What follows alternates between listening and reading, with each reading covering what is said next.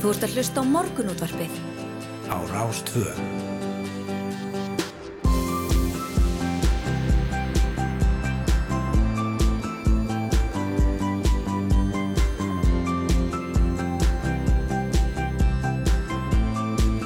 Morgunútvarpið Á Rástvö. Já, við bjóðum góðan dag hér í morgunútvarpinu á Rás 2, Snæra Sundardóttir og Yngvar Þór Björnsson með ykkur til klukkan nýju og í dag er mánudagurinn 7. mars ef mér skjáttast ekki. Jú, jú, áttur fína helgi, Snærós. Já, ég átti bara sérstaklega, eh, jú, ég átti bara eiginlega storkoslega helgi, Já, en sérstaklega dásamlega sunnudag. já, einmitt. Bönnum mín voru svo góð skapi. þannig, já. Það skiptir öllum máli. Ég átti einmitt notalega helgi líka, þannig að hérna, það er ágætt svona í byrjun mars mánaðar. Algjörlega, við fórum í sundi gær og vorum í svona 2,5 tíma eða eitthvað sem er töluvert fyrir okkur, sko. já, já, fallett sundveður. Já, svona gekk á með skín og skúrum, Já, var það þannig. Það En er ágætt að maður er í potinum að hérna svona fá, fá svona gusu af, af uh, snjó og, og, og rigningu yfir sig. Já, já, það er alveg rétt. Það er kæla sig niður. ágætt að fá hríðarbílinn í fangið þegar maður setur í heitu vatni. Það Já, einmitt. Herðu, við ætlum að fara nokkuð víða í þættunum í dag. Um, alþjóðlega orkustofnunin hefur sett fram áallunum hvernig hægt sé að gera Evrópu minna háða rússum í orkumálum í kjölfar innrásarinnar í Úkrænum og átökin hafa haft tölverð áhrif á orkumarkaði en í nýjasta tímariti The Economist segja sérfræðingar að Evrópa breyti nú óhjákvæmilega um stefnu í þeim málum.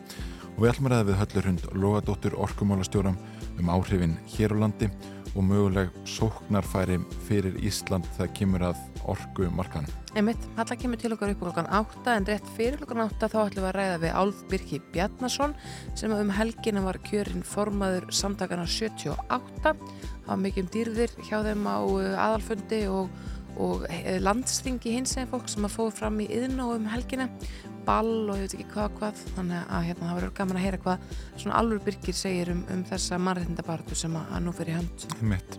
Það var eftir mikla aðtegli þegar skýrsla af um bresku ríkistjórnarinnar um síkla livja ónæmi kom út árið 2016. Þar var því spáð að ef ekkert væri aðhást myndu döðsfulla völdum síkla livja ónæmra bakterja vera orðin 10 miljónir á ári árið 2050. Og við ætlum að ræða við Karl G. Kristinsson, sérfæðarlækni í síkla fræði, en hann skrifaði grein í nýjasta tímarit að læknablasins, þar sem að segja að COVID-19 heimsfaraldurinn hafi orðið til þess að öll áhersla heilbriðiskjara heimsins við farið að breyðast við eh, COVID-19 faraldurinnum og heimurinn hafi þannig mist mikilvæga samfellu í aðgjörum gegn síkla lifja ónami. Einmitt. Já, það- faraldurinn hefur áhrif á ótrúlustu hluti. Já, hann tala um þetta sé þöggli faraldurinn. Já, einmitt. Uh, um helgina fengu margir íbúar í Vesturböðu og miðbæði Reykjavíkur og, og mögulega einhverjum fleiri hverfum uh, innum lúguna innblöðum hvað sem líst var gríðalegri útlendinga anduð eða anduð á innflytjendum og sérstaklega fólki frá Afriku og Asju. Það var raun og veru bara viðstikilur hattusáruður sem þarna byrtist svo það sé sagt berum orðum.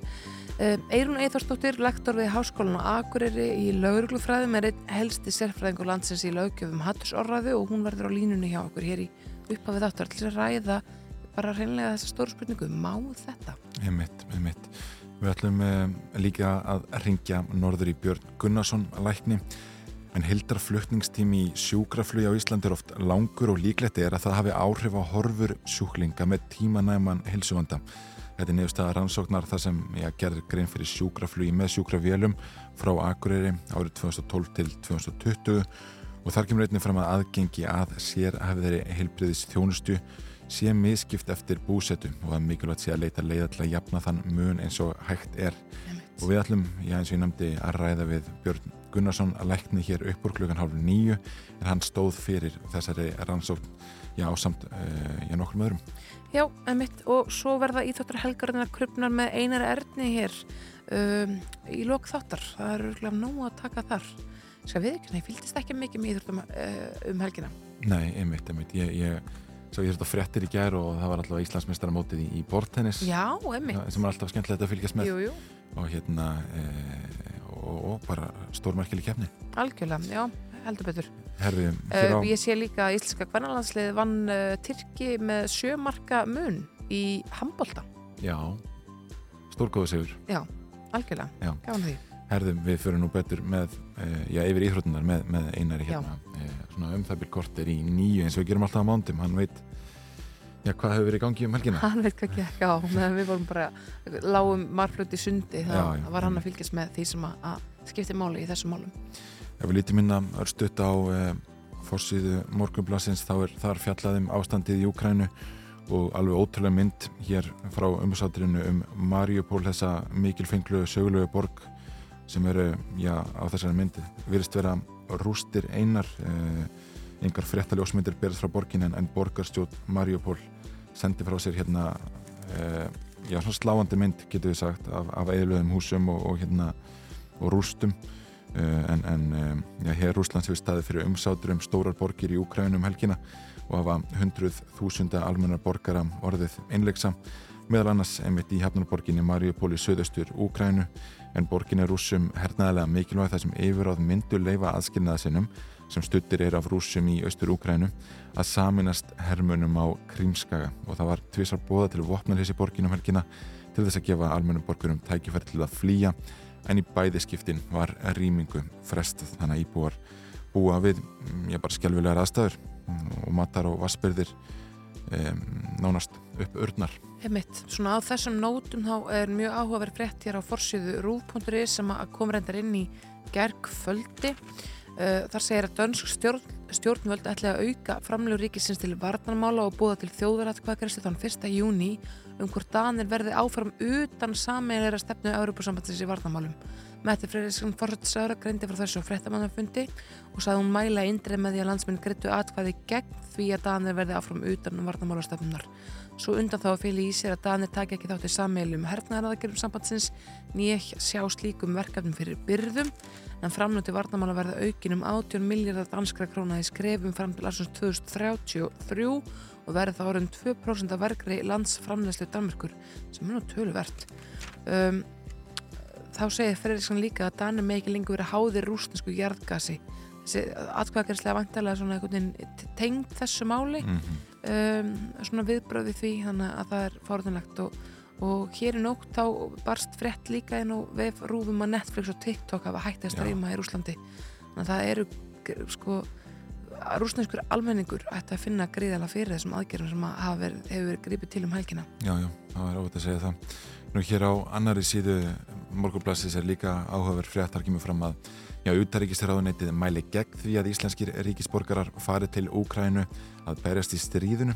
Um, og við höfum eintreið ráðið frá því. Aðstæðana vegna er ekki að veita borgar á þjónustu á slíkum stöðum, segir Sveit Guðmarsson upplýsingafulltrúi utaríkisraðunetisins að segir að engar tilkynningar eh, hafi borist ráðunetinu vegna einstaklinga sem vilji ganga til leiðs við hér Úkrænu. Við höfum séð fréttir frá bæði Norðurlöndunum og sérstaklega Breitlandi það sem einhverjir ungir menn eru að, að halda til Úkrænu og, og ganga til liðs við Úkrænu hér sem eru í nótrúleg stað Einmitt. Já, þetta er forrættinlegt um, Danir auðvitað, því að ég var að minnast á þá ég náðan, þeir uh, heimiluðu þetta að danski ríkisborgar færu til Úkræn að berjast sem er, já, þetta er mjög sérstakt. Og við erum svo sem rættum það hérna fyrir helgi svona að það sé að verða til einhverju útlendinga hertildarnæknin upp úr Mhm. upp úr einhverjum svona, þetta er svona eitthvað bútasaumur sko, Já, sem já. að, þarna á að setja saman til þess að- verjast innrás rúsa. einmitt, einmitt. Herðu, en við förum að skipta yfir á fréttastofuna, eh, fáum síðan hérna, já, förum rækilega yfir veður og færð Já, í já, kjölfarið. það er ennþá vetralegt um að litast allavega hér á Suðvesturhorninu. Ég er ekki komið gott af þessu. ég held að það væri ágætt ef, ef það fari nú að vora brálega, eða ekki? En við skulum skipta yfir á fréttastofuna Þú ert að hlusta á morgunútvarpið á Rástvö.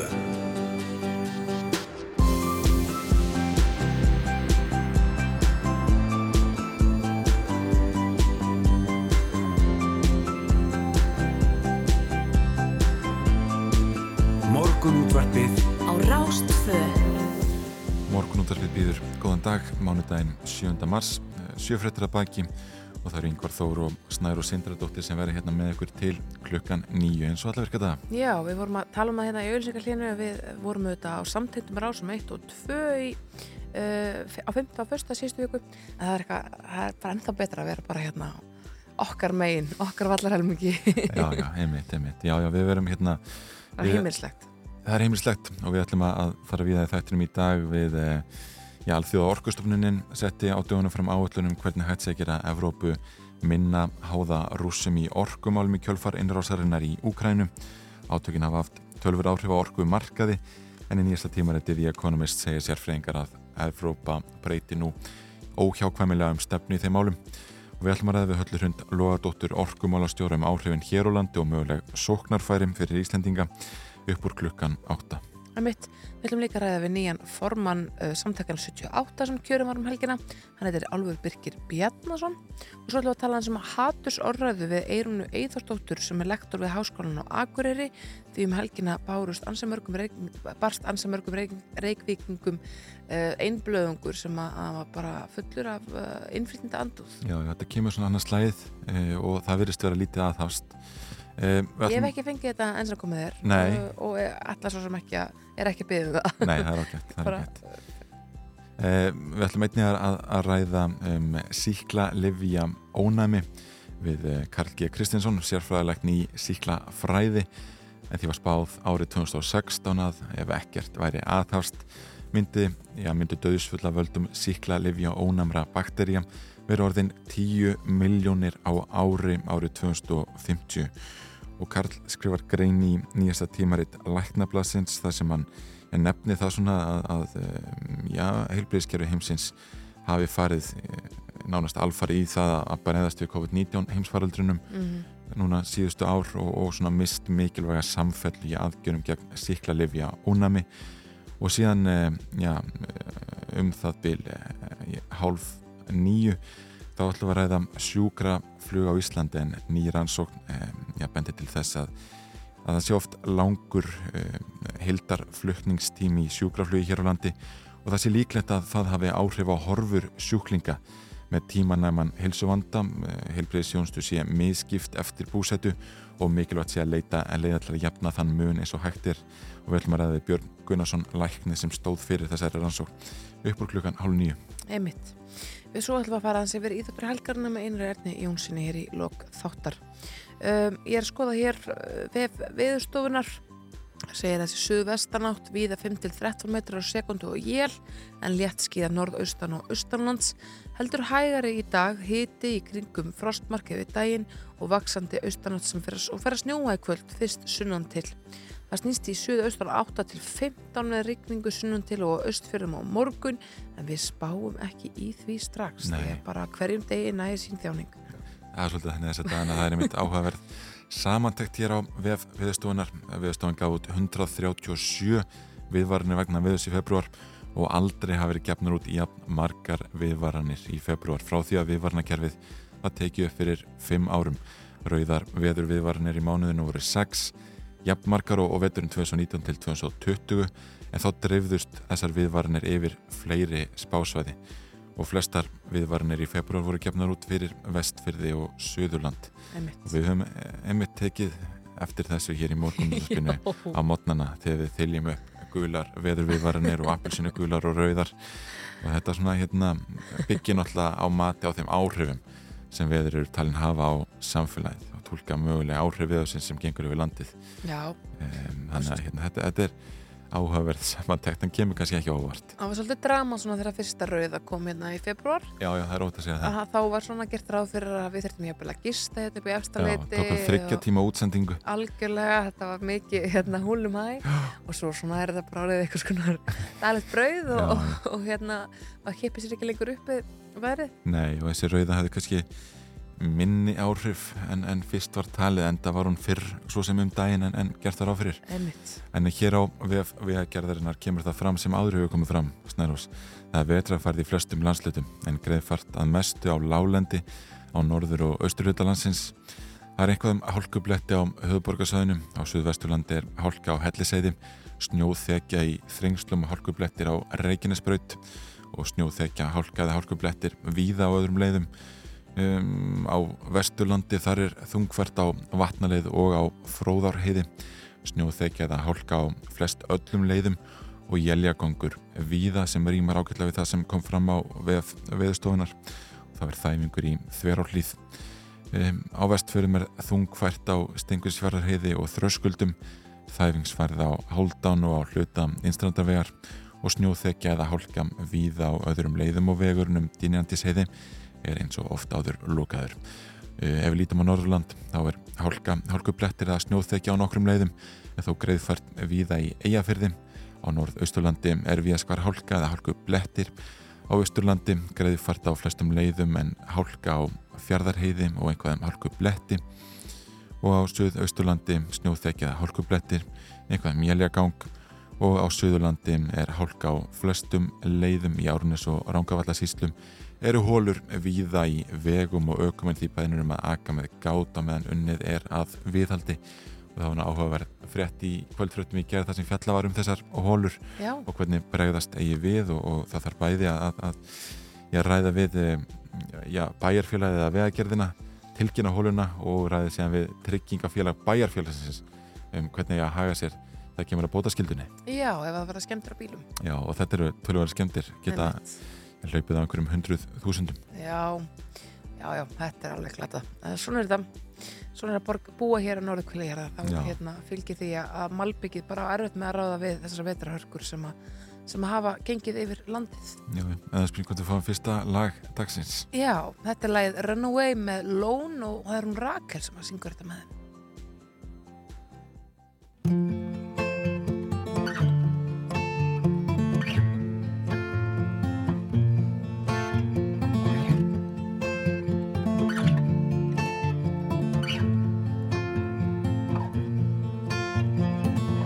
Tired street lights, trying to pull away from the ground,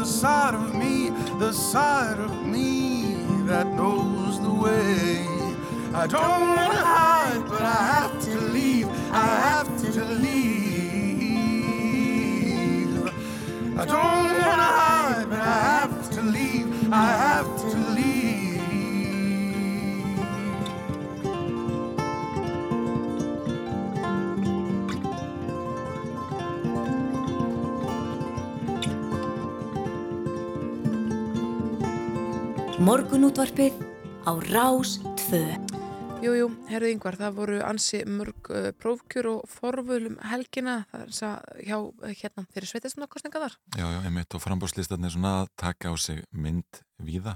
Já, einmitt, hér í Vafgi þá uh, voru þrjár konur að berjast um ótvitaðsætið en Líf Magnudóttir sem að sitindi ótviti, hún uh, hafði betur í því. Einmitt, ef við lítum aðeins í, í uh, já, til Garðabæjar, það var hérna, mikil spenni hjá sjálfstæðismennu þar. Eh, þessum þrjú buðu sér fram í 8. setið eh, sem losnaði með það Gunnar Einarsson bæjarstjóri leitaði ekki endurkjörs. Eh, Almar Gumundsson bæjar fulltrúi hafði nauman sigur á ástöldlu sinni. Áslögu höldum Jónsdóttur 41 atkvæði skilduði að. Þetta er ágætilega tekið saman hérna á, á VF Morgunplassins Emitt kemur hérna fram að uh, í borginni þá voru það tvær þórtísarnar sem voru að bjóða sér fram uh, hjá viðreysn í fyrsta sætið. Þannig var þórtís Lóa Þórhalsdóttir sem er sitindi borgföldru sem hafið betur fekk 49% atkvaða og Pavel Bartosek hann var fekk afgerandi kostingu í annarsætið 68% atkvaða ég veit ekki betur en að ég veit ekki betur en að, að það hafa enginn verið að bjóðast vera með annarsætti að móti honum. Já, ég held ég farið með rétt mál þar að hann hafi verið nokkuð örugur í annarsætti. Emitt, emitt. Uh, það var líka kostið í, í Hafnarfyrði, átvitaðsætið hjá sjálfsætsmennum í Hafnarfyrði og þar, já, var það Rósa Guðbjörnsdóttir, bæðistóri sem sóttist einn eftir því. Rósa eh, hlaut, já, um 81% atkvæða, er um 70% í, í fyrsta sæti eins og það var nokkur keppnu um, um önnur sæti, það voru 14 mann sem buðið sér fram í prófkjörunum og helstu tíðin kannski þau að Orri Björnsson hlautar annarsætið en keppunutar hans Kristinn Andersen og Kristín Tórótsen fungu í sætin á eftir þannig að þetta er alltaf taka á sig mynd núna þessa dagana. En það stýttist í sveiðarsamnakostningarnar, það er uh, fara fram 14. mæ næstkomandi sama tíma á Eurovision Já, það verður algjör hátíð Það verður mikil hátíð og, og hérna, gaman að því að ég held að Eurovision klárist þarna eitthvað mann rétt upp úr tíu þannig að það á að vera hægt að horfa klára Euro og mm -hmm. fá svo fyrstu tölur. Já, einmitt, einmitt. Herri, við ætlum að fá annar lag og, og síðan ætlum við að, að ég heyri í Eirunum Eithórsdóttir Já, einmitt, hún er lektor í háskólan og akkurir í lögfræðum og helsti sérfræðingur landsins í lögjöfum hatursorræðu og ætlum að heyra í henni hérna í upphafi þáttar um, út af einblöðingi sem barst inn um uh, lúuna með fólki með miklum innflytjanda andúð Been pulling through since the last time I touched you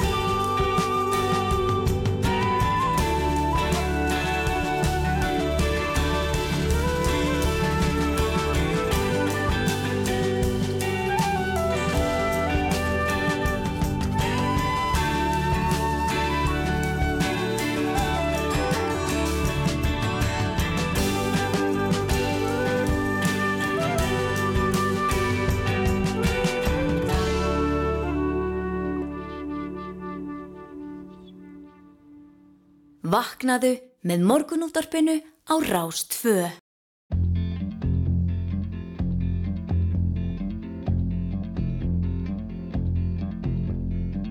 My house in Budapest, my, my hidden treasure chest, golden grand piano, my beauty focus EOU. Ooh, you, ooh, I'd leave it all. My acres of land I've achieved. It may be hard for you to stop and believe, but for you, ooh, you, ooh, I'd leave it all. Ooh, for you, ooh, you, ooh, I'd leave it all. And give me one good reason why I should never make a change. Baby, if you owe me, then all of this will go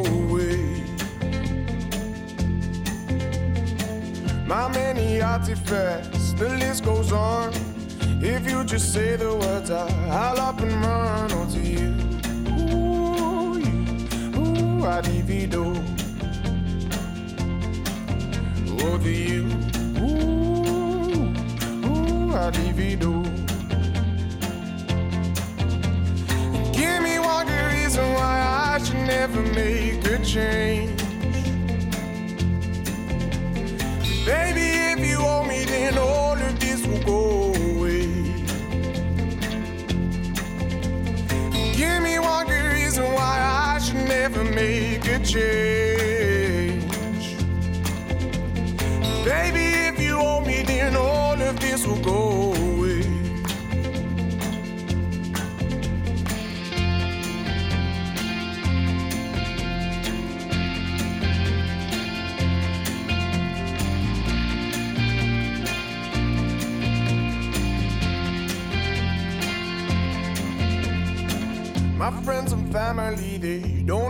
Understand. They fear they'll lose so much if you take my hand, but for you, ooh, you, ooh, I'd lose it all.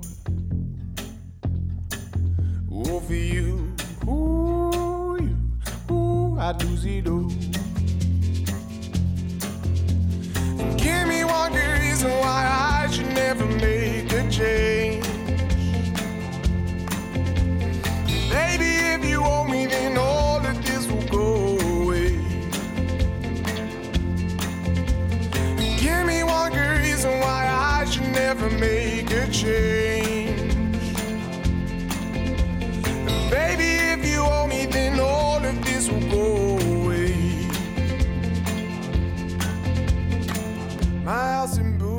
Budapest, my, my hidden treasure chest, golden grand piano, my beauty focused EOU. Ooh, you, ooh, I'd leave it all. Ooh, for you, ooh, you, ooh, I'd leave it all. Jújú Budapest með George Ezra en um helgina fengu margir íbúar í Vesturbæ og miðbæ Reykjavíkur innum lúuna einblöðung þar sem líst er gríðarleiri anduð á innflytjendum sérstaklega frá, e, já, fólki frá Afríku og Asju og Eirún Eithórsdóttir lektor við háskólan á Akureyri í lauruglufræðum er einn helsti sérfrængur landsins í löggjöfum Hatturs orðræðu og hún er komin á línuna hjá okkur, góðan daginn Eirún Já, góðan daginn. Segð okkur, uh, þessi einblöðungur sem að er að berst innum lúna í fólki, sko, er það löglegt? Má, sen, má senda fólki svona nafnlust bref með, með uh, já, útlýninga anduð eins og þessari?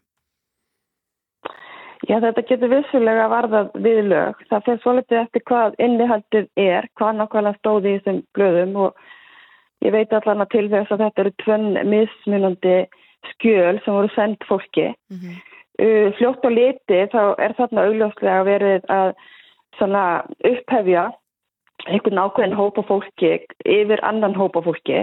Það uh, er anstætt í raun og veru gegn lögum og það hefur fallið dómur hér á landi þar sem að það var í raun og veru dæmt ólulegt að, að segja að hins og kallega kvíti maður væri eitthvað betri heldur en fólk með annan húðlit. Þannig út frá því að þá gæti þetta vel sagt, já, verið lögbrot. Uh, Varandi hinn, eh, hitt brefi, þar sem er raun og verið að vera vísa til þess að fólk á ákveðnum uppruna sé uh, líklega til að fremja glæpi og annars líkt að, og sé jafnvel sko hriðverka fólk og svo, svo framvegð að þá haf, hefur jafnframt fallið hér dómur hérlendist það sem að það var dæmt ólulegt að, að kalla manneski sem að tali var af uh, gerundum múslimi sem hriðverkamaður. Þannig að þetta er vissulega eitthvað sem að lögregla þurft að skoða í kjölinn og, og margt sem kannski bendir til þess að þetta geti verið, verið ólögum að tjáning. Einmitt. Maður er svona nokkur svona fengið einhvern svona einblöðung innum lúuna hjá sér. Eh, eru dæmið það að, að, að, að fólk hafi verið dæmt fyrir að dreifa nákvæmlega þessum einblöðungum? Ekki hérlendis, Nei. en erlendis eru dæmi um það að, og meiri segja það sem hefur verið staðfest af domstólum Európu að það getur verið ólögumætt að dreifa og þetta er ofinbær tjáning og en hér á landi veit ég ekki til þess að það hafi fallið dómur eða verið rannsaka af lauruglu og svona dreifingar. Þó við vita til þess að þess að þessi dreifing þess að breifa sig ekki sagt, undir nafninins ákveðin hóp sem er allan að þekktur að þá veit, veit við það að, að Norðuvíi sem er kannski stæðstu Já, nýnasista samtök Íslands, þau hafa verið að dreifa líka gegnum tíðina meðal annars blöðum við í heimahús og undir sínum merkjum sem hafa líka mögulega geta fallið undir, undir það að vera brjóta lög. Já, þessi, þessi breyf eru ekki mert norðurvíi, þau eru, uh, eða það sínt að einhverju TikTok rása að hérna, já, svona einhver hópur undir einhverju öðru nafni, en, en að þú nefni norðurvíi og tala um það sem stærstu svona nýnasta samtök Íslands, sko, hvað eru þau fjölmenni, hvað er mikið fólki sem að, sem að hérna, aðhyllist þennan málflutning? Sko það er mjög óljóst. Uh, Það er náttúrulega líka kannski, myndi ekki segja okkur mikið þó maður myndi nefna ykkur að tölu hvað margir aðeins norðuvíi vegna þess að þessi, þessi hattus samtök hvort ákveðnum hópum, sérstaklega innflytjendum en líka konum og, og fólki, hins veginn fólki og fleiri. Þetta er náttúrulega sko mjög líflegu vettungu bara á netinu Já, og það er taka margir þátt þó þeir kannski komi ekki endilega undir nafni eitthvað að vera rasisti, þú veist svona almennt, þannig að það er alveg ómögulegt að segja til hvað margir aðhyllast þessa hluti. Um, maður hefur stundu séð bara svona í kommentarkerfum hérlendis fólk taka undir málstaf það sem settir þarna fram þó maður myndi kannski ætla fólk almennt myndi ekki tikla sér sem nýnasista eða, eða hatus fulla gagvart ákveðnum, ákveðnum hópum. Þannig það er ómögulegt að segja til. Eh, Það bendur ekki til þess að Norðurvísi er mjög fjölmenn samtök hérlendis en það verður að hafa í huga að þetta er sagt eh, samt, útibú samtaka sem eru allstar á Norðurlöndunum og það er áhugavert að taka fram að þessi sömu samtök hafa til dæmis verið dæmt ólöguleg í Finnlandi. Og það var að lögureglan sem fór fram sem sagt í frumkvæði að ósk eftir því við dómstóla að, að þessi samtök eru dæmt ólöguleg uh, vegna þess að þau séu þeirra málstæður og þeirra tjáning er raun og veru bara hættuleg samfélaginu í heilsinni og þannig að það segir svona ímislegt um hvað þarna, hvað svona málflutningur er þar sagt, og, og þessi málflutningur um þetta sem er svolítið sambarlegur og stendur í þessum brefum, það er þetta að, að það sé ein, með einhverjum hætti verið að menga svona hinn svo kallar kvíta kynstopp með því að innflytjandi flytti til lands og með því að menga þennan svo kallar kvíta kynstopp þá verður allt miklu verra. Já, við, við komumst ekki sem lengra er verið- í þetta skiptið. Við verðum, að stoppa því það. Við erum með teknilegum örluleikum þannig að viðtalið er stittra en, en takk kærlega fyrir. Við heyrum í þér aftur sér.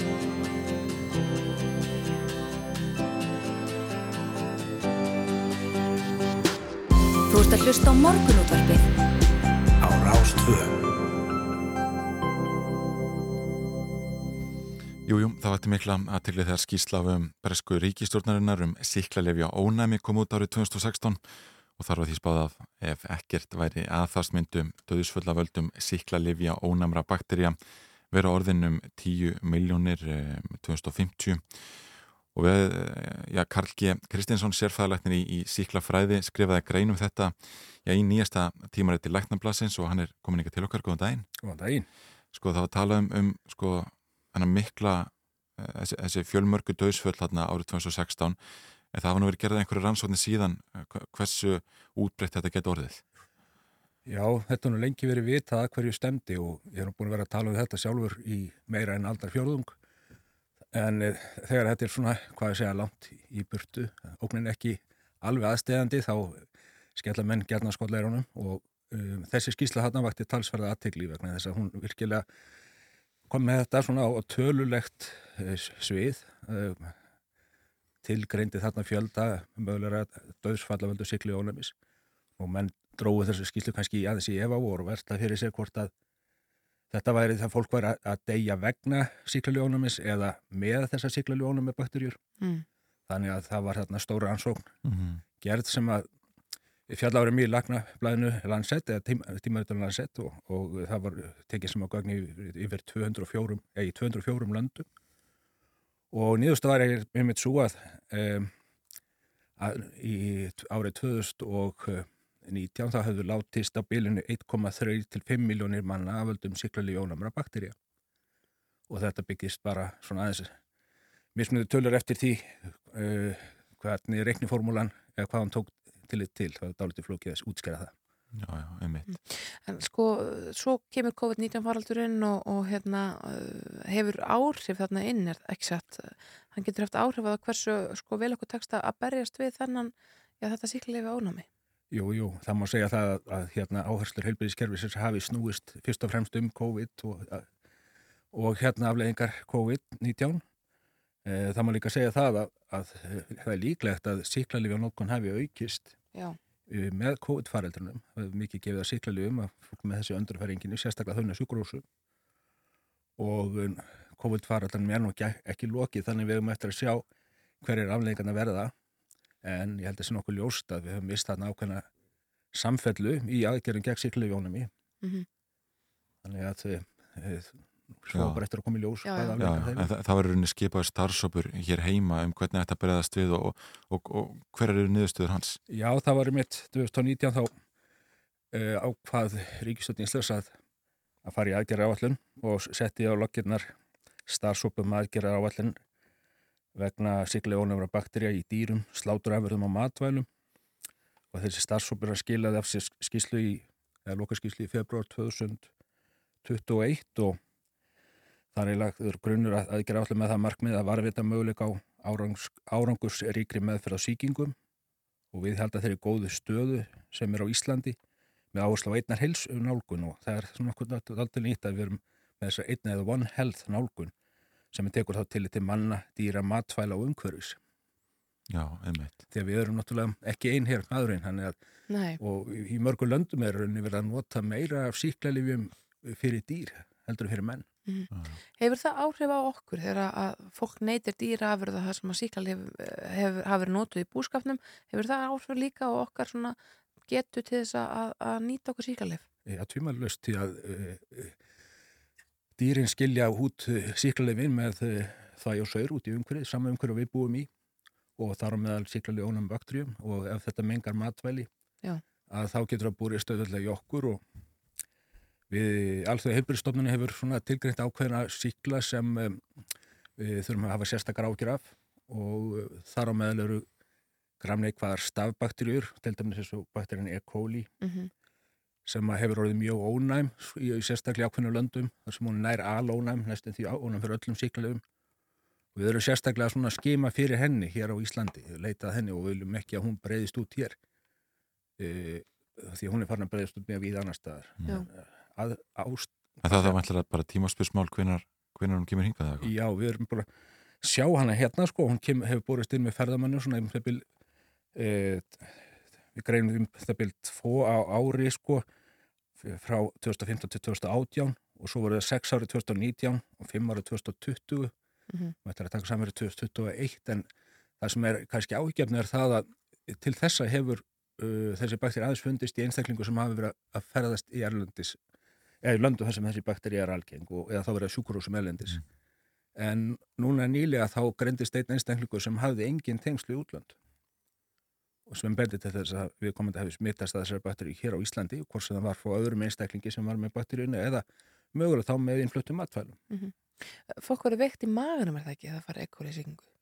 Jú, það eru svona þetta hefðbundna sem er að fara til e, landa þar sem að, hvað segja, e, hreinlætið er ábóta vand og er veit að fá hreint vatn Já. og þá er það nú dæmi gett að fá svona ferðamannan og það er aukin áhætt á, á að fá á sig eða í sig sko þessar siglujónar bakterjur fáum en ferðamanni gang því að það er svona, þetta smitast á sama hátt. Já, ég skil. Einmitt. Sko þú skrifur þessa greini í lækna, læknablaði hérna og, og hún ber heitið Þöggli faraldurinn e, sko er, er þetta orðin faraldur eins og stendur og þurfu að hafa miklar áhyggjur eða þetta það sem helbriðiskerfið mun vera að berjast við núna næsta áratví? Já, alþjóða helbriðstofnunin hefur eh, líst því yfir að, að siglujónar við sé einam helstu óknum við líðhelsu í heiminum í dag og þetta er virkilega hlutur sem við þurfum að takast á við, allir.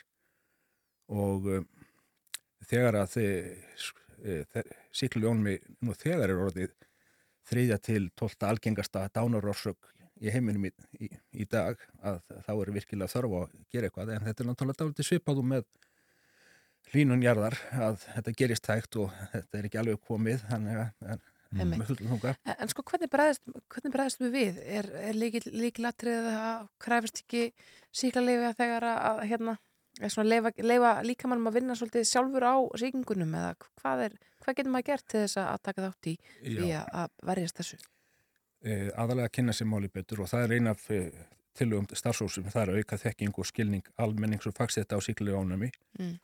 og e, Bara hann að fólk sé ekki að breyða síklarleifi í tíma og það er ótíma. ekki ekki síklarleifi óþörfi og svo til dæmis séu kvefi og ymsum svona efri öndunarfæra síkingum Einmitt. og uh, maður segja það bara að aðal það sem er að knýja þetta áfram er að notkun síklarleifi Já, og helsta aðgerðin er að draga úr notkunni Mm. en það má líka skima fyrir uh, síklarleifunum og koma í veg fyrir útbreyðsleðura og það er eitt af því sem að starfsópurinn leggur til sko, það er að greina stöðuna til dæmis á útbreyðslu og síklarleifunum í íslensku landbúnaði og íslensku umhverfi. Því við þurfum að vita betur hvernig staðan er því að við erum að, við erum að halda því fram að staðan á Íslandi sé einna best í heiminum og, og allavega uh, döðsföll og uh, af öllum síklarleifunum bakteri er lægst á Íslandi af öllum Európlöndum við viljum gertan viðhalda því Já, já, þú, þú líktir þessu við loftasbreytingar og talar um að, að þetta gerist hægt hefur af því að stjórnvöld breðist eða stjórnvöld og almenningur breðist of, of seint við með svona eh, einhverjum hnýtmiðum aðgerðum og, og hérna þetta verið komið í óefni? Já, nýlega þá uh, lísti allþjóða heilbríðstofnun því yfir að, að aðeldarlöndin væru ekki að gera nægjanlega mikið og þau var ekki að bregðast við á fullæðindi hátt. Og það er kannski afsöku núna í þessum faraldri en við hefum vonað því að, að til dæmis íslenska ríkistjórni tæki þetta upp núna í kjölfar faraldursins og setji á lækirnar eh, hvað að segja eh, að, aðgerra áallun sem að hefur er sem sagt markvis og, og framsækin. Gott mál. Já, Karki Kristinsson um, já, þakka fyrir að kominga til okkar í, í morgunúðarpið Já, ta- takk sem leiðis.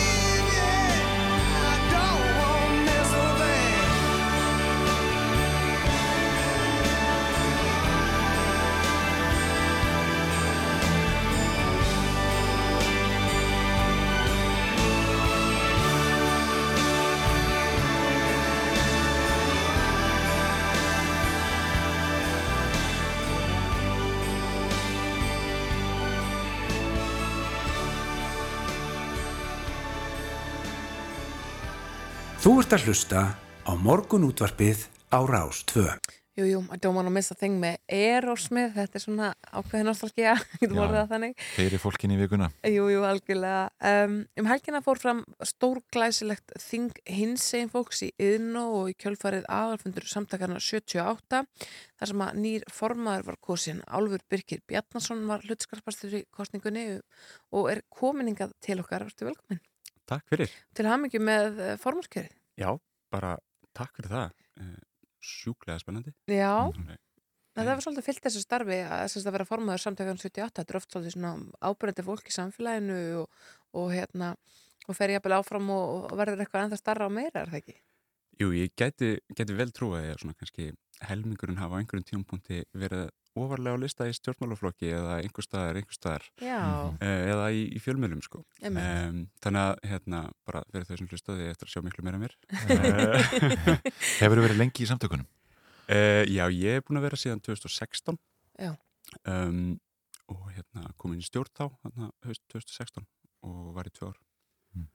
og svo svona eftir það þá hef ég verið svona í, í róliheitunum meira og, og hliðalínu en, en hérna þegar Þorberg ákvað að gefa ekki kosti sér þá svona einhvern veginn, já, kannski bara er þetta orðið góður stæð til að koma aftur sko Einmitt. og hérna En þetta er ekki svona að koma margir að mála við mig samtök eða hvað, er ekki þannig að fólk liggi einhvern veginn í síman og þú verður að bjóða þig fram, þú ert besti málsvara okkar. um, sko, við eigum náttúrulega alveg ógeðslega margt fólk Já. um, sem að er svo flott Hvað eru samtöku 78 fjölmenn? Svona fyrstu þetta. uh, já, í, í, einhver staðar yfir 1300 manns núna Já. Og það hefur svo sem kannski haldist svolítið stöðut Mhm. um, að hérna, já, fólk kemur inn og það fyrir út. En, en, en jú, nei, já um, já, nei, þú veist, það er bara svo, svo, svo margt flott fólk um, í samtökunum. Mhm. um, en einhvern veginn þá bara passa þetta kannski best hjá okkur tveimur sem byggum okkur fram Já. í þetta skipti sko og svo bara tekur ykkur annað í keppinu síðar Já, já. Er- Og það, það var vel mætt á, á aðalfundin og það var heilmikil sko, dagskrá í kringum þetta.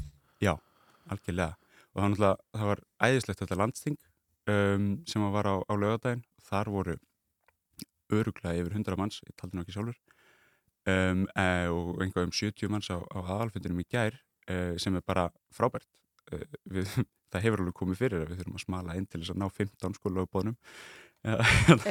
ringja til þess að aðalfundur sé yfir höfuð e, lögmætur en, en fólki greinilega farið að svona hérna, láta sig máli varða sko og félagið mm. Sko, er Hvernig stendur á því? Akkur er svona mikill kraftur í starfinu núna?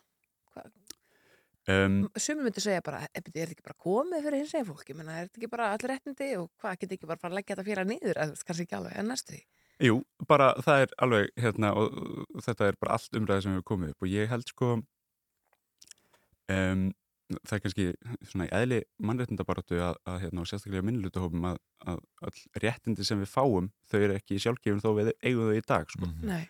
og hérna ég man ekki hvort það var á þessari stöðu að hinni sem, í morgun sem var að tala um norðurvíi og það eru, það eru slík eh, félög líka sko sem að, sem að herja okkur í rauninni Mm. og, þú veist, og hafa þá mjög svipaðar hugmyndir og við erum að sjá bara í víðum heim uh, mjög mikið svona afturfara skref bæði Texas og Florida núna Mhm.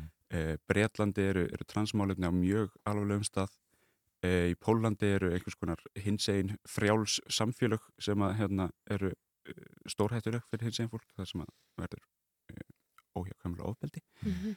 og, hérna, og, og þau segjast vera búin að hreinsa til Mm. og, og við, þú veist, þannig að sko e, þó að ég geti sagt að réttindi hins eginn fólks á Íslandi væru stæði alveg jafn, jafn við annað fólk Mhm. þá ættu við ennþá eftir að standa vörðum þau réttindi í, til ókomin ára Já, en þar fyrir utan þá vantar ímislegt upp á Já, já, já. þannig að já, það er langt, langt í land Já, já. hvað ýmislegt var þjóðin alltaf til að mynda bent á, á sko, langa bygglista transfólks eftir kyn leiðréttandi aðgerðum Já. í kjölfar COVID algjörlega uh, síðasta, eins og ég skilða þá var síðasta sko, aðgerð svona kvillega neðri og neðri aðgerðir uh, framkvæmdi í desember 2020 Já, og veist, ég skil vel að ástandi hefur verið erfitt en veist, ég, við, við erum hægt að tala um meðalbyggtíma því að það, hérna, kom engin, engin ný gögn fólk dettur bara aftast á listan Mhm, mhm. en að hérna, það er ekkert já, og svo hliðstætt í raunin á bugl þar eru núna með, með byrjtími 11 mánuðir fyrir börn að komast inn, á, inn hjá transtíminu og þú veist 11 mánuðir í, í lífi Mm. barn sem er kannski 10-12 ára að taka út óvelkomin kynþróska er bara, það er drastiskur tími mjög, getur verið mjög alvarlegt. Myndir þú segja að uh, málefnin transfólks, það sé svona, kannski viðkamasti hópurinn sem að samtökju 78 uh, já, bara eru fulltrú fyrir núna? Já, það er svona kannski mm, það er kannski þau mannréttindi sem við erum að berjast fyrir sem að geta haft uh, svona mest áhrif á lífskeðfólks í framhaldinu og bara lífslíkur. Mm vegna þess að hérna uh, við erum bara að sjá að, að hins einn og sérstaklega transungmenni, sérstaklega í skólakerfinu þeim líður mun, mun verð Mm. og það bara hérna, og það hefur alvarlega áhrif á, á lífslíkur hjá, hjá fólki og hérna. Þannig að það er svona kannski þar sem að um, mér líður eins og hérna sé sko veist, þakklátast en, en svo eru ímis smærri verkefni sem að er alltaf hægt að vinna með. Og hérna, þú veist, og þar erum við bara að tala um hérna, blóðgjafir karla til dæmis, mm Mhm. homma og manna sem sofa hjá mönnum Þa, það er alltaf urðið eitthvað svona vendingar í því máli, það var ákveð að senda það eitthvað í sam- samráðsgáttina Jú. og, og hver stendur það mál til dæmis?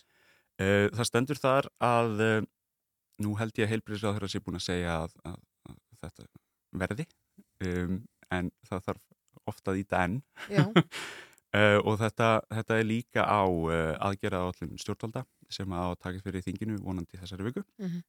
Um, þannig að jú, ég, ég er bara bjart með að það, það klárist en hérna ég, við spyrjum alltaf að leikslökum sko. Jú, jú, auðvitað, Já, auðvitað. já.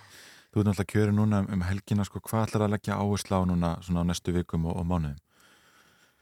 Ég ætla nú bara aðalega að leggja áherslu á að, að þakka starfsfólkun okkar fyrir að halda þetta aðeinslega landstingum helgina. Mhm. Þau hérna unnu baki brotnu alla helgina og það er loka á skrifst og samtökunum 78 í dag ef að einhver vissi því. Þau eru í fríi. Um, hérna, og bara mjög verðskuldið. Um, en svona öðru leiti þá, þá hefur sko, finnst mér samtökin hafa einhvern veginn mm, já, bara nálgast flest á mjög svona heilan hátt og hérna ég sé ekki svona í hendi mér einhver sem að þarf að breyta þetta Nei. eru bara svona litlir hérna tweaks hér og þar til þess að hérna já bara svona Og svo hins einn dagar í sumar, vantilega. já, ég bara ef, að, ef COVID lofar Já, að hérna sem við bara gerum ráð fyrir að það geri, eða ekki? sem við, við gerum ráð fyrir, jú Mhm. þá er bara hérna á næsta ársáttíð í hérna byrjun ágúst sko Já, einmitt. það væri æðislegt skamt uh, stuðsins á milli. Já. Já. Já, ég veit það ekki, sex mánuðir eru hérna langur tími í Jú, jú, það er rétt, það er rétt. Álfur Birkir Bjarnason, nýr formaður samtakana 78, takk kærlega fyrir komuna í morgunóttarpi. Við fyrir að skipta yfir á fréttastofuna en heyra kannski eitt gott lag fyrst. Já, einmitt, þetta er lagi Stop in the name of love. Já, með daginn Ross og Vel gert. Supremes.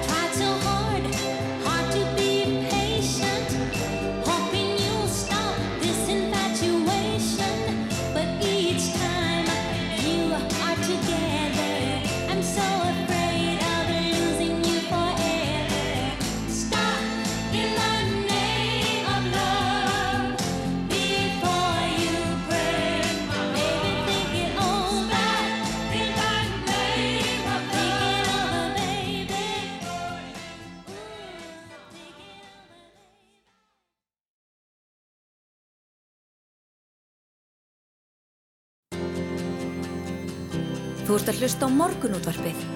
á Rástvö.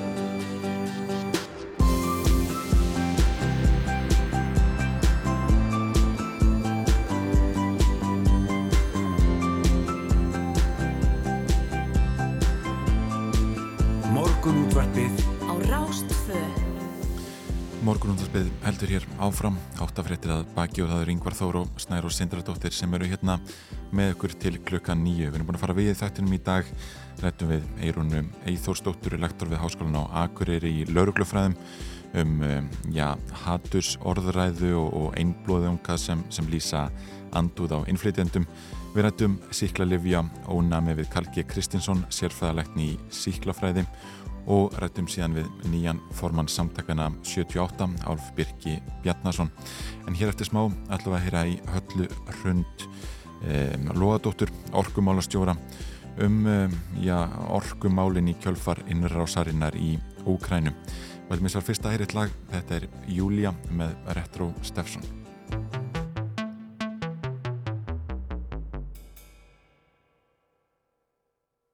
Red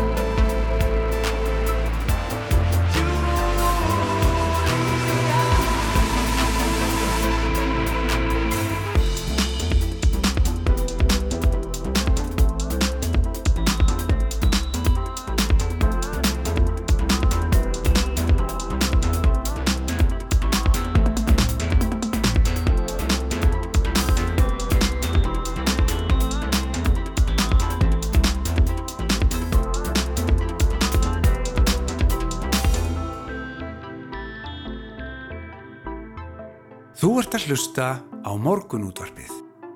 Jú, jú, Julia með Retro Steffsson en við ætlum að fjalla aðeins áfram um uh, já, ástandið eins og, og það er í Evrópu þessa dagana.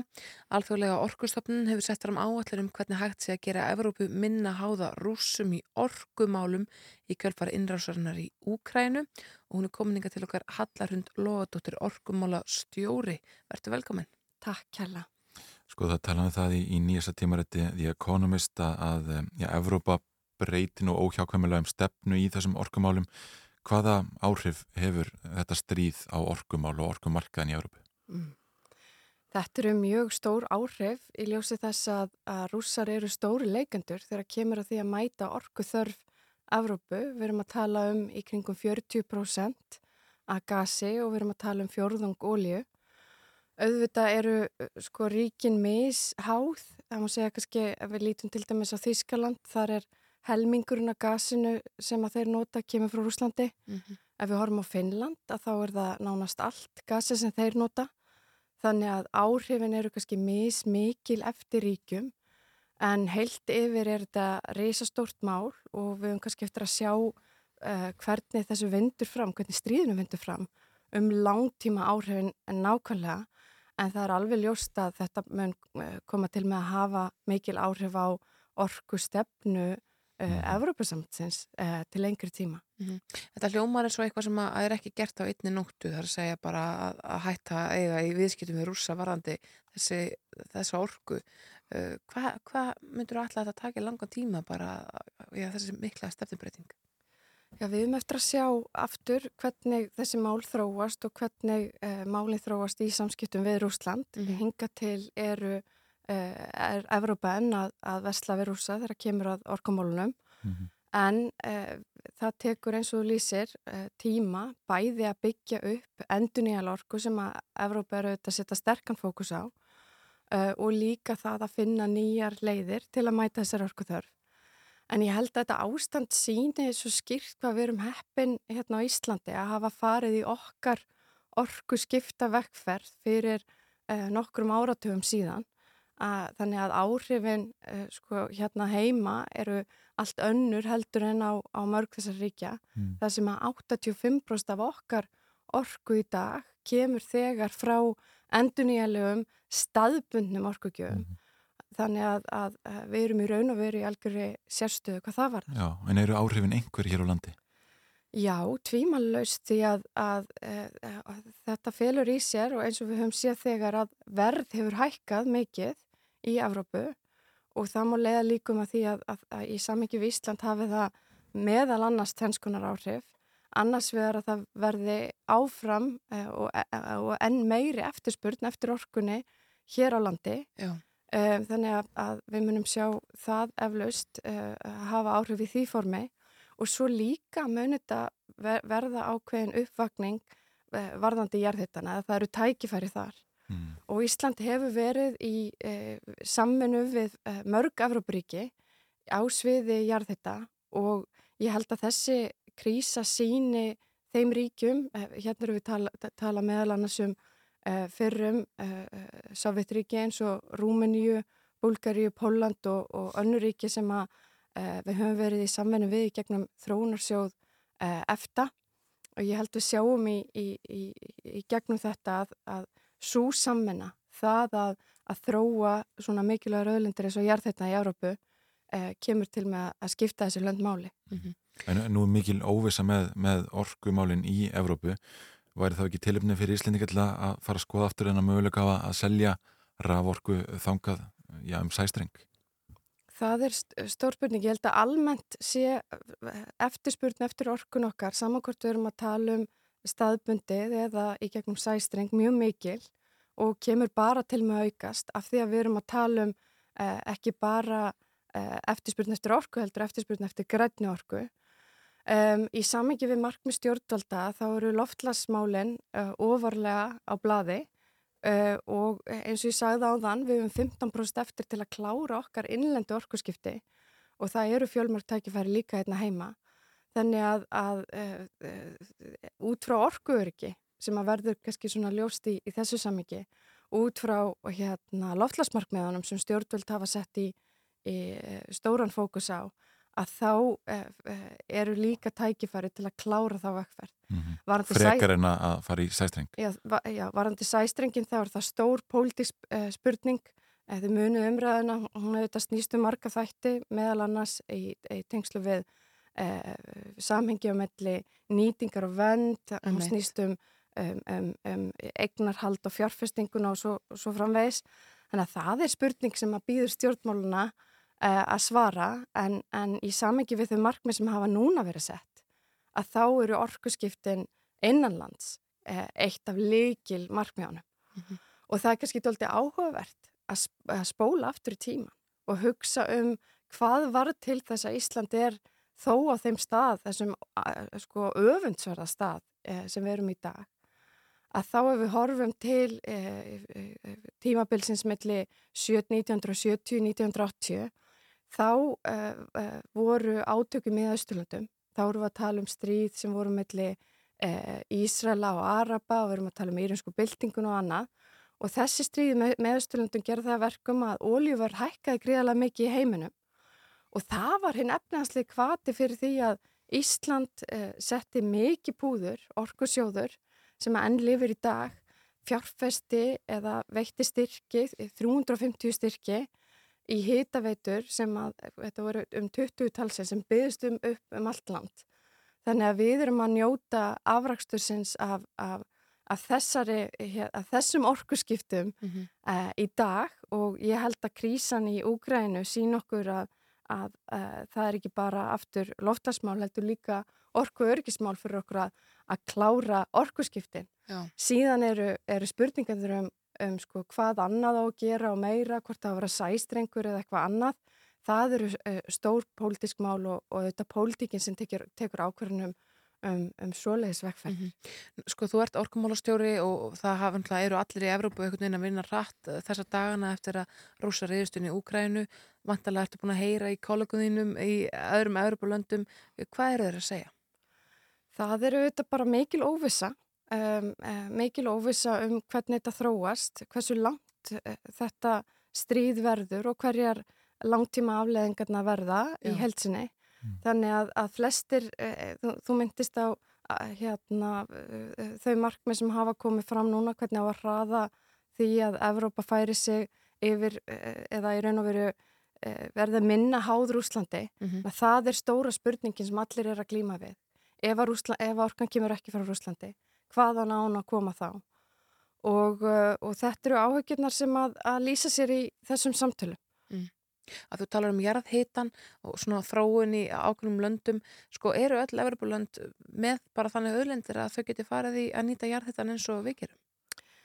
Nei, ekki eins og við gerum öll. Það, það eru meðsefnar aðstæður í Evrópu. Sumstaðar eru uh, meiri möguleikar á, á notkun uh, jarðhita Já. og sumstar minni en uh, með þróun tækni að þá er nýting jarðhita mögulega miklu fleiri stöðum heldur en áður að því að þú þartir raun að veru miklu læri hita mm. og ég held að fáir gerir sér til dæmis grein fyrir að í París eru uh, tölur stórar hitavittur við hugsaum ekki um París eða Frakland sem er þetta land mm. og aftur orkustofnun hefur verið í samstarfi við mörgríki mm -hmm. í eh, Evrópu eh, og Úkræna er þar á meðal. Eh, það voru farið í, í eh, samstagsverkefni til að kortleggja í arðeita meðal annars í Úkrænu og ég held að þetta sé tækifæri ef við horfum á, á alþjóðasamfunna í, í samengi við jarðeitan. Þá held ég að þarna séu tækifæri fyrir okkur að, að sækja fram og uh, aftur við erum í samstarfi við mörg þessar ríkja og þessi verkefni munu án Eva verða mikilvægari. Mm -hmm. Eins og nefndum við aðan þá sko, hefur alþjóðlega orkustofnunin sett fram þess að áallunum um hvernig hætti segir að Európu minna háða rúsum í orkamálum. Európu er náttúrulega mjög háð rúsum hérna eins og komiðu fram. E, sko meðan á þessu langa ferðlistendur er líklegt að orkuverð í Európu held að fara að hækka og hækka á næsta árum og við sjáum einhvers konar met í, í verði. Við höfum þegar séð mikla hækkanir.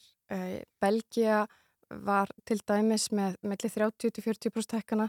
Við höfum sér hækkanir á gasi meðal annars í Hollandi og annars þar kringu 10%.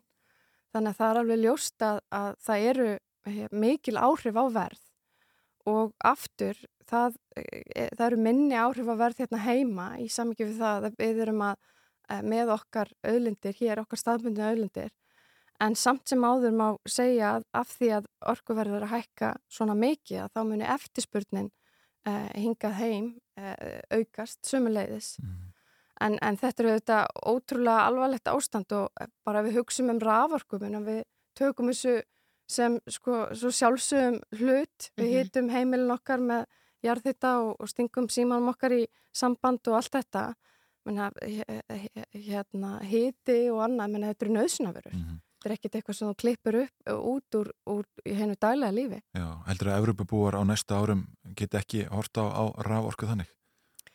Það hafa þegar verið mikla sviftingar á orkumörkum í Evrópu af því að það eru uh, hafa verið breytingar, uh, þjóðverjar hafa verið að loka sínum uh, kjarnarkaverum og það er alveg möguleikja að við munum til dæmis sjá aftur þróun í átt að kjarnorku. Já. Frakkar fóru ekki sumu leið og þjóðverjar og það eru mm, hérna, miklar þróanir þegar kemur að, að nótkun kjarnorku en, en afleðingarnar eh, líka gríðalega miklar ef eitthvað fyrir úrskeiðis. En ég held að öll þessi spil séu upp á borðinu hjá ákvarðana tökku aðlum í Evrópu og við hérna heima, bæði hjá Orkustofnun og svo auðvitað hjá ráðuneytinu líka, við erum auðvitað með uh, umhverfisráþara sem að var áður uh, auðryggisráþara, að fylgjast allir vel með og, og við meðlum upplýsingum og bregðust við hér á Íslandi um leið og, og, og þörfur á með einhverjum hætti. Mhm. Þú nefnir kjarnorku, við höfum auðvitað að segja það að rússar hafa verið svona herri á kjarnorku ver úkrænumanna og orku uh, stöðvarna þeirra og svo framvegis það eru innviðinni sem er verið að ráðast á um, þarf að hafa miklar áhugir af því til dæmis sko ef að Evropa myndi ákveða að byggja upp kjarnorkuver til þess að, að sjá sér fyrir ódýrir orku Ég held í samengi við, við átöngin sem eru núna í Úkrænu að þá sé eins og kom hefur fram og verið fjalla mikið um í fréttum að þá er eh, hort á innviðina þegar það verið að horfa á það að taka yfir landið. Og þannig að, að, að það sem við sjáum þar er klálega hluti af, af þessum stríðsrekstri sem að á sér stað. Uh, ég held að það sé kannski ofstórt að fara fjallum að, að þessi sérstakar áhættur í því samki um, en uh, ég held að sé alveg ljóst að að Evrópa er að horfa á miklar breytingar. Við munum sjá hröðun á uh, innlegingu endurnilega orka, sannlega meiri áherslu til dæmis á vendorku í Evrópu. Við munum sjá uh, ný viðskistasambönd þróast, menna spátnir til dæmis dæmi um ríki í Evrópu sem er ekki svo háð Rúslandi eða er Mhm. ekki háð Rúslandi um gas. Mitt. Þannig að, að það eru breytingar framöndan hvað þetta varðar og, uh, og fullt, uh, uh, fullt þörf fyrir okkur að fylgjast vel með því að þetta eru auðvitað svo, svo risastórar breytingar líka í samhengi við verðbólgu og, og markaði heilt yfir að því orkumálinn tvinnast inn í Já, já. alla anga En, samfélagsins. en þá kannski líklegt að- að þeir sem að eru einmitt ekki háðir rússum núna eins og spátn og við og svo framvegis að við getum hagnast mikið á þessu ástandi eða eitthvað. Ég held að hagnist í raun og veru engin á þessu ástandi. Þvert á móti og eins og ég segi, þetta eru svo stórar efnaðslegar áskorunir sem að smita út fyrir sér um allan heim og svo stórar mannúðar ástand, eh, eh, ástand sem að við eh, erum öll að takast á við saman.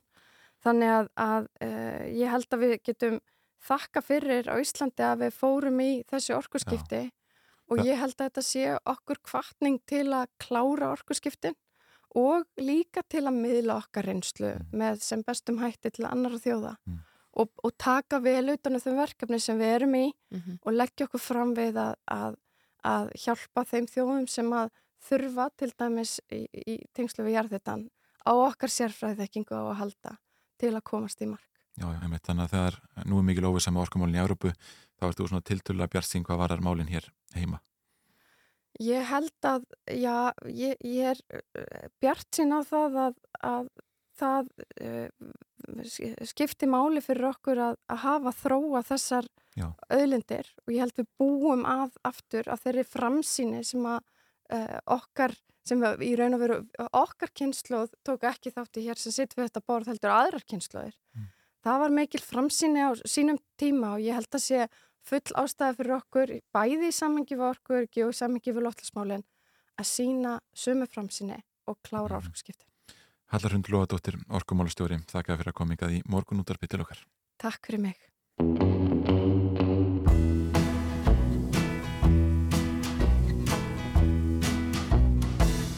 You cheated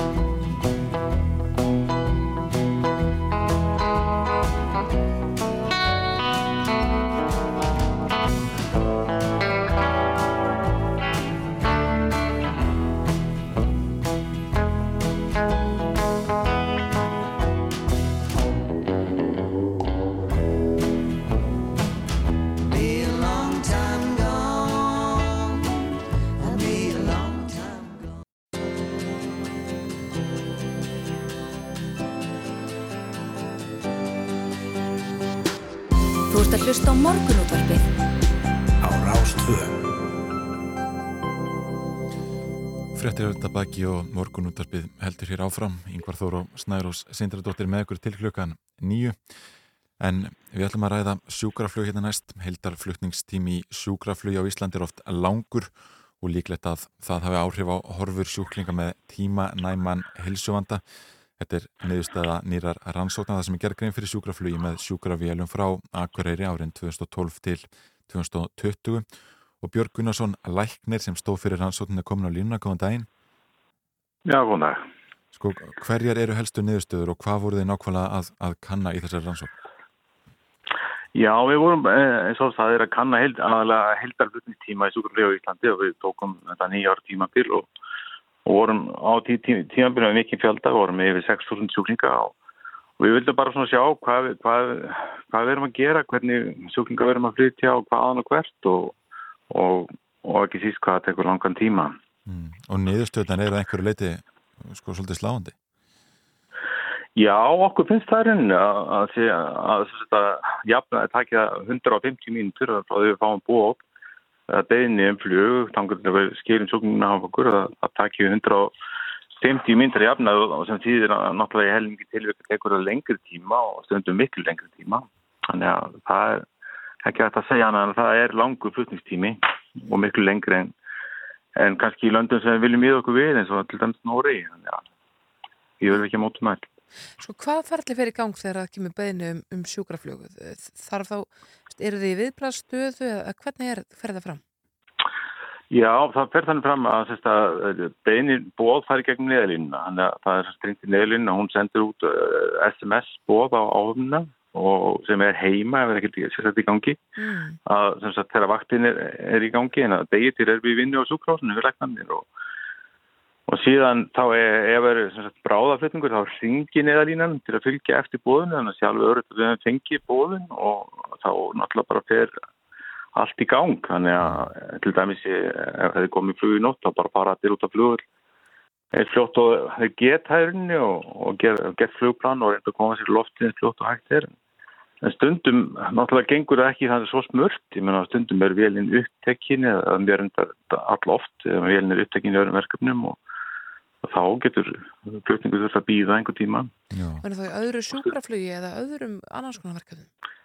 Já, við erum náttúrulega oftast erum við með eina flugvél í gangi, þannig að við erum með milli 8 og 900 flug eh, á ári og hvert verkefni tekur ofta 4-5 tíma, þannig að það segir sér sjálft að stundum er vélinn upptekinn þegar þegar kemur ból og og þá förum við náttúrulega stundum í það að fer allt eftir aðstæðum að ræðst út aðra flugvél, það tekur eh, tíma, þannig að Og er þannig að það, þetta eru- já, já, er það helst ástæðan fyrir því að, að flutningstímin er eins langur og, reynbur vitni? Við, það er eiginlega bara næsta verkefni að reyna að skoða það náða hvað hverju hann er svona langur og hérna, ég hef ekki alveg svörin við því. Um, veist, ég held að það sé mikið hægt að vinna í því en við getum sjálfsagt styrkt eitthvað tíma sem að tek- tekur okkur að koma í loftið. Þú veist, að vera tilbúinu með flugplan eða jafnvel að, já, þess vegna nefnum við það að væri kannski gott að hafa markmið ef við hefðum það markmið að við næðum að flytja 90% sjúkingana á 150 myndum þá við komin einhver mælalega markmið sem við getum farið að keppa á ég er alveg vissum að það myndi bæta árangurinn. Já, já. Það kemur alltaf fram í niðurstöðum þessar rannsóknar líka sko að, það, að, að þessi langi tími já, hafi líklega áhrif á, á horfur sjúklinga. Það hlýtur að vera að grafa alveg. Já, já, já, það er það en það má samt ekki miskil, sko, miskilja og þessi orð því að við erum náttúrulega ekki með mikið klíniskum upplýsingum um þessu sjúklinga sem við gáttum að rannsaka og þannig að við erum sjálfsög ekki með uh, gögn fyrir þetta þýði sem að segja það að það sagt, orðið tjón út af því en við vitum það át frá öðrum rannsóknum að til dæmi sjúklinga með hjartaáfall eða, eða hérna, heilast lag að fyrir hvert þú veist, korter sem líður þá tapast uh, tapast eitthvað, getur tapast uh, uh, góða æfi ári eða, eða, eða valdið einhverju, ein- einhverju föllun eða sjúkdóm síðar á æfinni þannig að það skiptir máli Þekkið þið dæmi um þetta þar sem að það verður skipt sköpum að vélinn hafi bara komið og seint?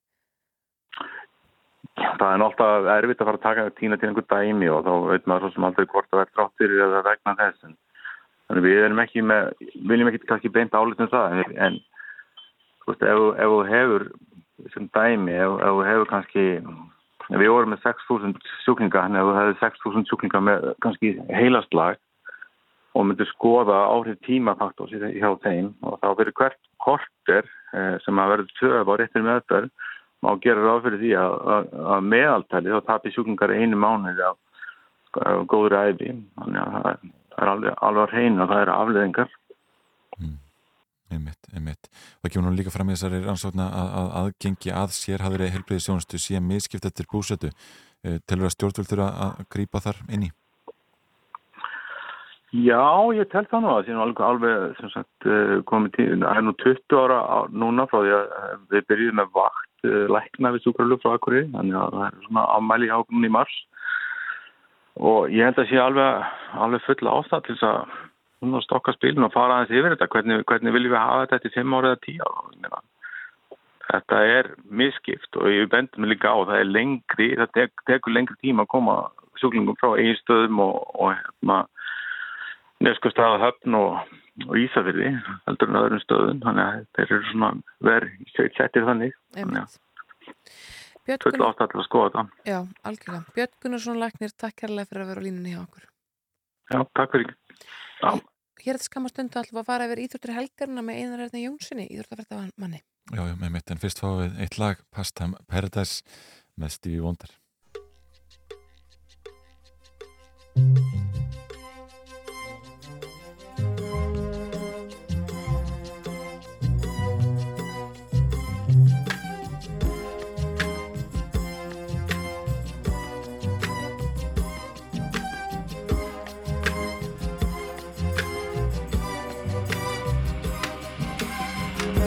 Spending most their lives living in a pastime paradise.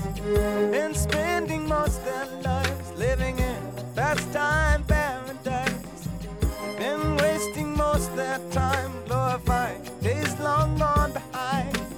Been wasting most their days in remembrance of ignorant soul dispraise. Tell me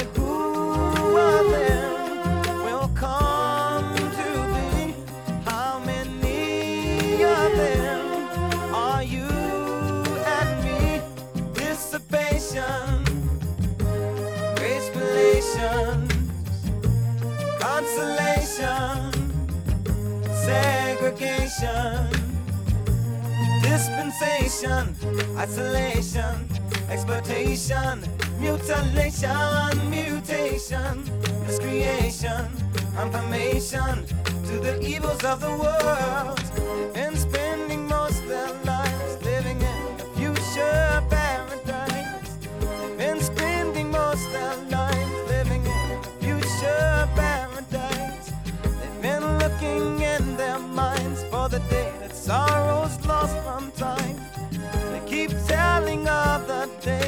The Savior of love will come to stay. Tell me who of them will come to be? How many of them are you and me? Proclamation of race relations, consolation integration, verification of revelation, acclamation, world salvation, vibration, stimulation, confirmation to peace of the world. They've been spending most their lives living in the a pastime paradise. They've been spending most their lives living in a pastime paradise. They've been spending most their lives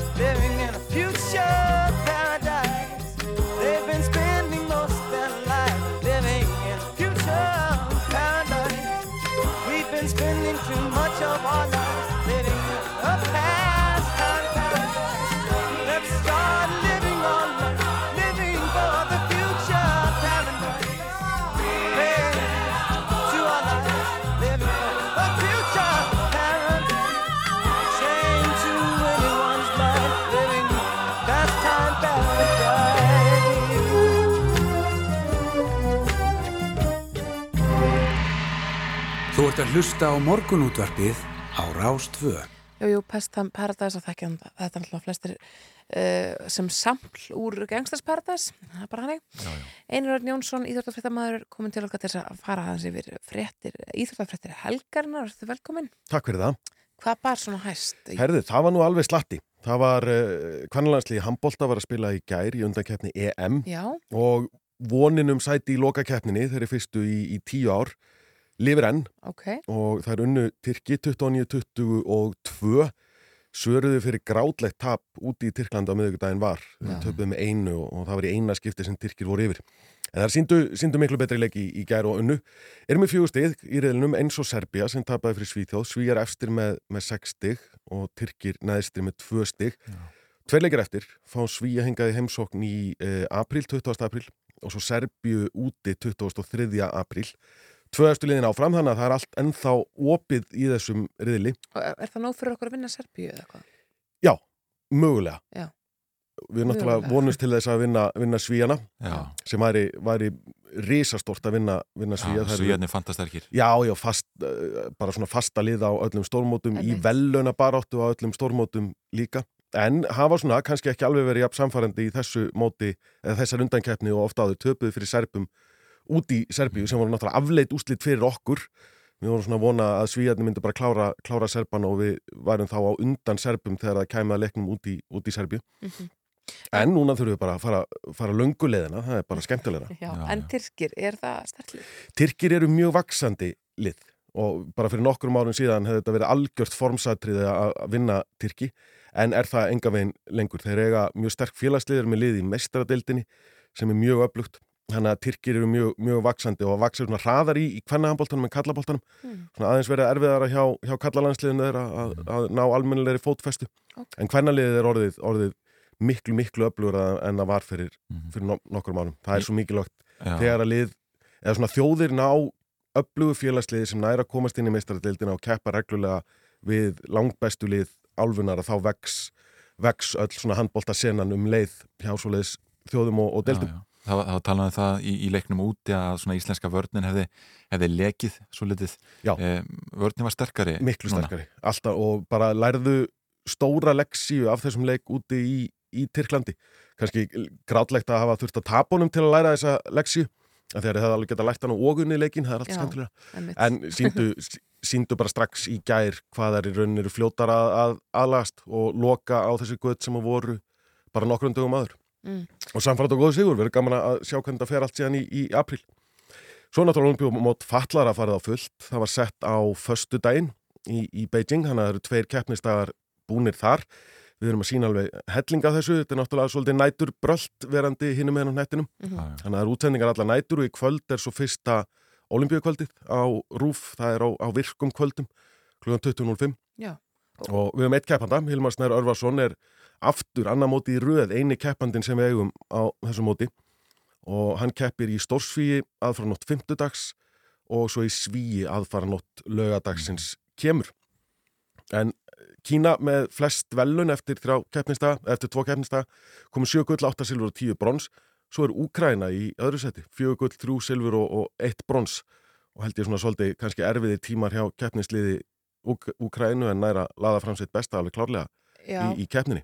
Sko hvernig, hvernig er það þegar að, að það er líka mikið verið að spá þessu varandi Eurovision svona þegar að landið er einhvern veginn hertekið og það er all þjóðum farin að flótta ansi margir og, og svo framvegð sko, hvernig er fyrir keppendan að bara halda haus og halda áfram og, og við hverjum á að búast? Ég meina hann fyrir Það vantar er ekki nefnilega- ég- heim að móti loknu. Ég get bara enga veginn einhvern veginn sett mig inn í, inn í hugarheim íþróttafólks og keppenda frá, frá Úkrænu akkurat núna. Nei. Þau voru náttúrulega lögð af staði að, að fara af stað til Kína þegar að stríði braust út. Já.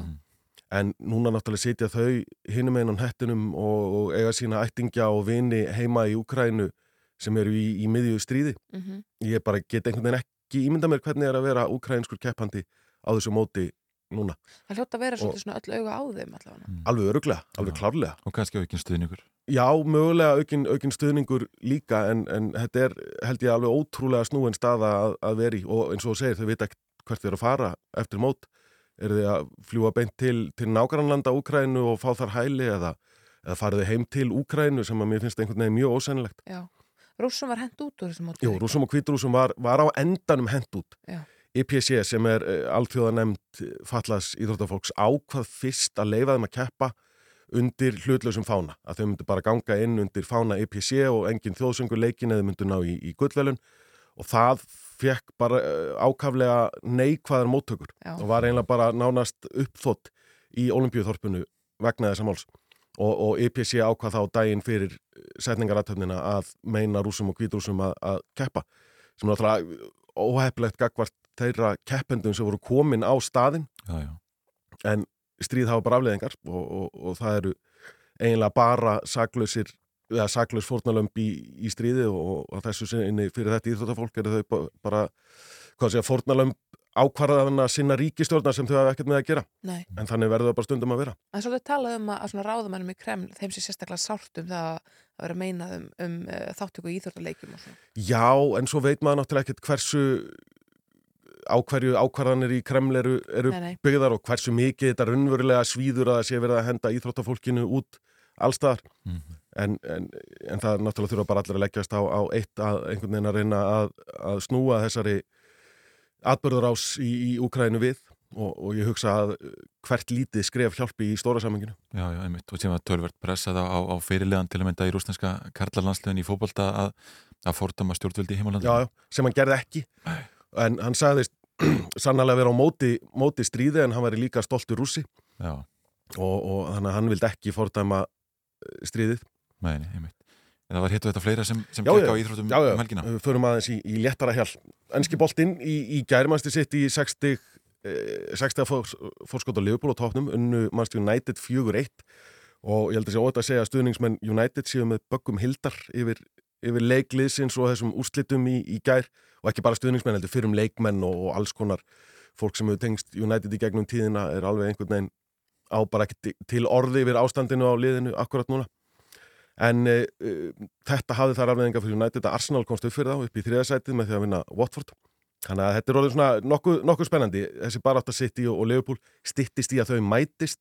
Þannig að við gætum fengið titil baráttu alveg til, til loka leiktíðarinnar og svo náttúrulega þessi harða barátta um efstu fjögur sætin Mhm. sem að gefa meistaradeildarsæti og, og þar með gull pott af peningum Sko, hva, hvernig stendur á því að, að mannjú gengur svona illa? það er rosalega margslungin spurning Já. uh, það er náttúrulega rosa einfalt að kenna alltaf þjálfarunum um og, og það var gert á fyrirhut tímbilsins þegar Solskjær var reikin. Það var líka gert þegar hann var ráðinn, þá var þetta allt saman Mourinho að kenna og hann var. Einmitt. Þannig að það er svona stuttalösnin er alltaf að kenna þjálfarunum um en ég held að þessi vandamál liggi liggi dýbra og nái lengra aftur í tíman en að, að segja bara skiptum þjálfara og segja að þetta er bara ganga. Það er búið að eyða alveg ótrúlegum fjárhæðum í þetta lið og frá því að þeir unnu síðast titilinn fyrir nýjárum síðan er uh, Manchester United og Manchester City búin að eyða jafn miklum peningum í, í leikmannaköp. En munurinn á liðunum er, er hímin og, og haf og kristallæðist svolítið í þessum leik í, í gær. Já, já, einmitt. Þannig að þetta er, þetta er langtíma verkefni held ég sem að, sem að United stuðningsmenn þurfa að búa sig undir. Já, og sem var að byggjarkjafnin í, í frjálsum. Byggakefnin í frjálsum var í, var í gær, það var ekki mikil spenna þar en samt einhver spenna. FH vann allt unnu kallaflokkin og hvernaflokkin og, og þar afleðandi náttúrulega heldar stiga keppnina líka og FH náttúrulega verið FH og, og IR verið svona svolítið einvíi í, í frjálsum undanfærin ár og Já. FH verið svona að vera að skrýða fram úr núna allavega. Já, já.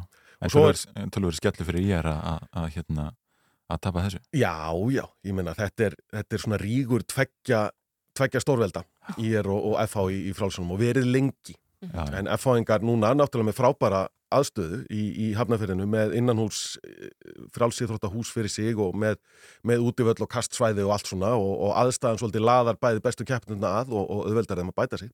Já. Þannig að ekki aftur svo við, svo að við höldum áfram að jarma um þessi aðstöðum og góð jú. aðstæða leiðir af sig góðan árangur. En, en er ekki ég búin að byggja upp eitthvað risa hús líka? Jú, ég er að fá, já, ég er að koma með völl upp í, í breiðalti og, og svo er náttúrulega, eru þau náttúrulega að hafa aðgang að frálsýrta höllin í laugadal en deila henni með öllum öðrum Já. liðum líka. Já. Og svo náttúrulega ef einhver þarf að halda tónleika eða ráðstefni þá er þeim hend út eins eðlilegt og það allt sem hann er. Emmitt. En fyrst ég var að tala um spennu í, í ennsku deildinni, það er, hún er eh, hjóm eitt með að við spennuna í söpudeild kvenna í Körubólta. Það er alveg hreint lígileg staðan í, í deildinni þar. Fjölnir á tóknum með 28 stig. Valur Haugurinn Jarðvíkur öll með 26 stig og Valur á leikti góða og getur náði í 28 stig. Þannig að það eru fimmum fyrir eftir og ég held bara að við höfum aldrei séð fjögur lið vera svona jöfn þegar svona lítið er eftir af einhverju af deildónum í, í stóru boltagremnum Mm. hjá okkur.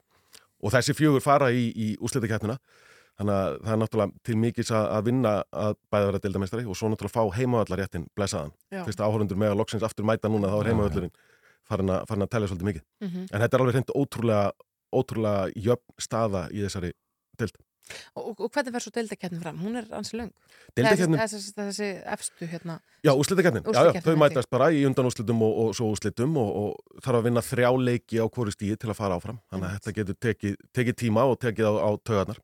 En ég held að þessi úslitakeppni verði með að við hvernig deildin er að spilast, þá er þessi úslitakeppni mjög jöfn og spennandi líka. Já. Þannig að þetta er mjög, mjög skemmtileg staða. Þannig að maður búist við því að liðin þreytist svolítið svona. Að, Já, það er svolítið, þú veist, í úrslitakeppninni reynir svolítið á aðra hluti en í, í deildinni. Það er minni kvíld, það er minni tími á milli leikja til, a, til að bregðast við einhverju og, og, og aðlaga leikina að einhverju leiti, sko. Þannig að þetta tel, tekur svolítið við, svona reynir á aðra hluti hjá liðanum en, en það gerir í, í deildakeppninni að fara í gegnum langa, langa úrslitakeppni. Mhm. Við talum ekki um í þeim deildum þar sem að þú byrjar á áttalegu úrslitum og svo undan úrslitum og, og úrslitum þá getur þetta orðið bísna margir leikin með, með eins til þryggja daga pásu á milli. Já. Já, já, einmitt. Hvað tekur síðan við í íþróttunum núna næstu Herðu, vikuna? nú erum við með eh, Coca-Cola byggarinn í handbolta.